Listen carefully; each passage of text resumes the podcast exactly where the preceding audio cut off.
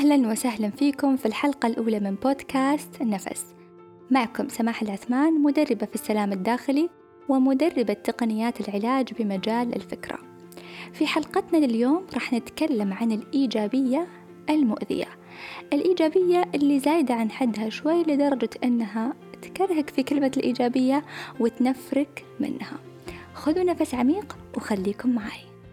في إحدى الأيام قابلت إحدى الصديقات اللي من زمان ما شفتها طبعا هي تتابعني على مواقع التواصل وتعرف أني مدربة مهتمة في التطوير الذاتي وكنا في حوار مع باقي الصديقات عن الإيجابية والوعي والتطوير الذاتي فسألتهم من باب المزاح هل تتابعوني؟ هل تطبقون التمارين اللي أقولها؟ فقالت لي شوفي سمح أنا أحبك ولكن بكل أمانة ما أحب أي حساب يتكلم عن الإيجابية ولا أي كتاب يتكلم عن الإيجابية. ما عدا حسابك. طبعا أنا ما أعرف هي قالت هذا الكلام تجاملني ولا هي فعلا تشعر أن محتواي مختلف ما أعرف. فقلت لها ليش؟ قالت لأنهم يحاولون يقنعونا أن الدنيا وردية ولازم تكون وردية ومهما يصير معاك ومهما تتأذى لازم تكون إيجابي وتتقبل الأمر اللي أنت فيه. وبيني وبينكم ما ألومها. فكرة الإيجابية المنتشرة انفهمت غلط وانتشرت بطريقة مبالغ فيها جدا. ويمكن لو أنت أول مرة تسمع لي وقرأت عنوان حلقة البرنامج عن الإيجابية راح تسكر البودكاست على طول. ولكن أوعدك أني راح أقدمها لك بطريقة مختلفة تماما. طيب خلينا نعرف شوي الإيجابية مع بعض وخلينا شوي نناقشها. هل الإيجابية تعني أني أنا ما أسمح للزعل أو الضيق أنه يكون في حياتي؟ آه، أني دائما أكون متفائلة رغم كل الظروف. يعني خسرت وظيفتي أتفائل. خسرت أحد من أهلي أكون يعني آه، برضو أتفائل.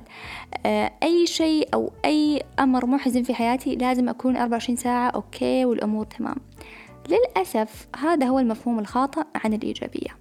أنك تخلي الدنيا وردية حتى لو كانت رمادي. وإنك تتصنع إنك راضي وسعيد ولكن أنت من الداخل متألم وما عبرت عن هذا الألم. ولما تعبر تقمع نفسك تحت اسم الإيجابية. في حين أن الإيجابية الحقيقية يا صديقي هي طريقة تفكير وليس فعل أو يعني تتصنع أو أنك تقوم فيه عند الحاجة. الإيجابية تعني بكل بساطة أنك تسمح للمشاعر المزعجة أنها تكون موجودة. ليش؟ لأنك بشر. يعني عادي تعصب عادي تبكي عادي تتضايق لفترة ولكن بنفس الوقت طريقة تفكيرك تتغير. بحيث أنك تركز أنا ليش أو إيش اللي لازم أتعلمه من هذا الموقف؟ وكيف أنا أقدر ألقى الحل من هذه المشكلة اللي أنا فيها الآن؟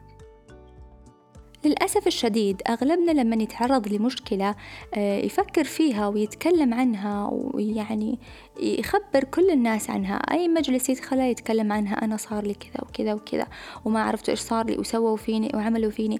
فيبدأ يدخل في دوامة عميقة من الطاقة السلبية والذبذبات السلبية.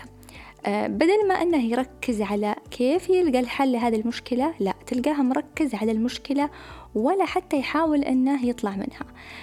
خليني أعطيك مثال وراح نشوف من خلاله كيف يتعامل الشخص السلبي والشخص الإيجابي الحقيقي. لو, ك... لو قلنا أنه عندنا شخص كان عنده فكرة لمشروع وبدأ يشتغل على هذا المشروع ويطوره ويكبر معاه فجأة واجهته بعض المشاكل اللي خلته يخسر جزء من أمواله أو ممكن يخسر المشروع كله.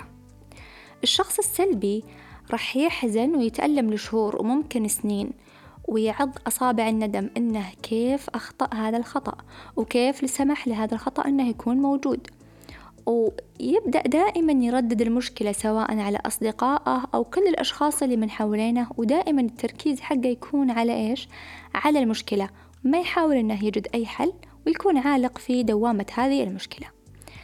أما الشخص الإيجابي الحقيقي يسمح للمشاعر المزعجة أنها تكون موجودة ويعترف فيها. يعني عادي عنده أنه يعصب عادي عنده أنه يكون متضايق عادي عنده أنه يكون حزين.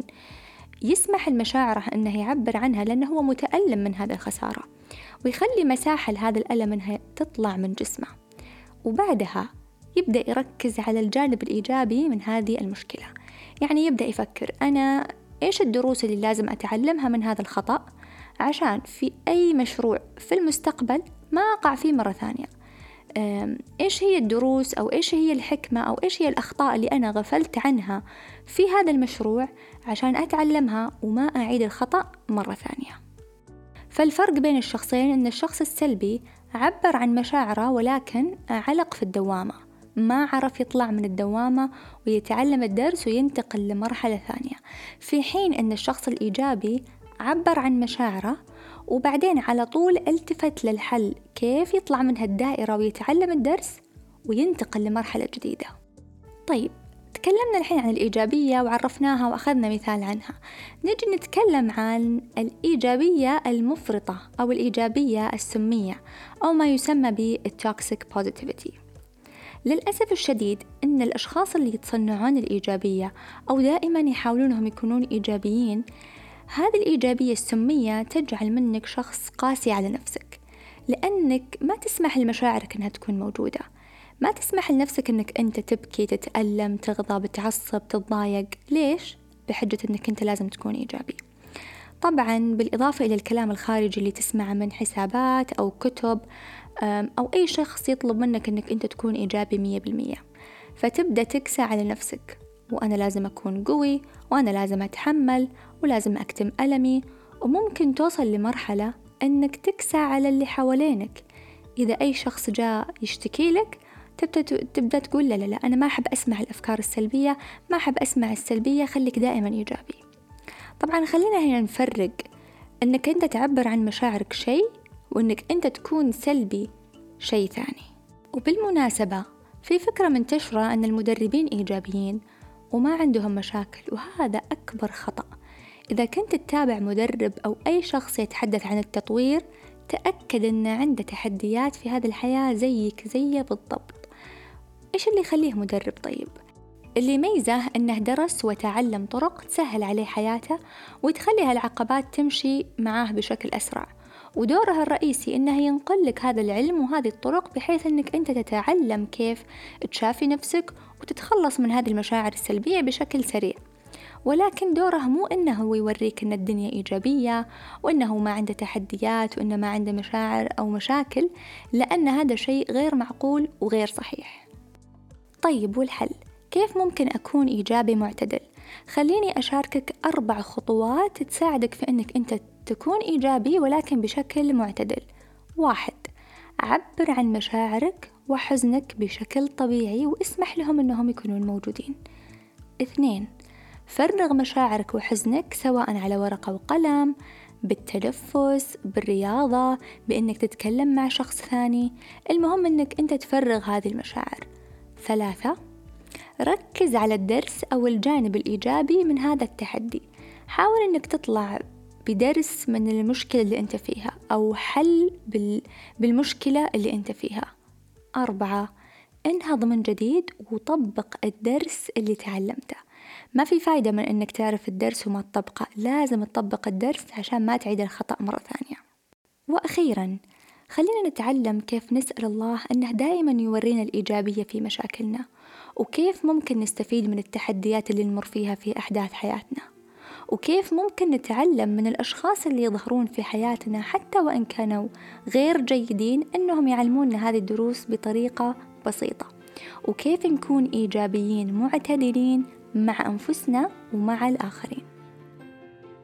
ألقاكم في الحلقة القادمة اللي راح نتكلم فيها عن المعيقات الداخلية اللي نحطها إحنا على أنفسنا وتمنعنا من تحقيق أهدافنا. في أمان الله.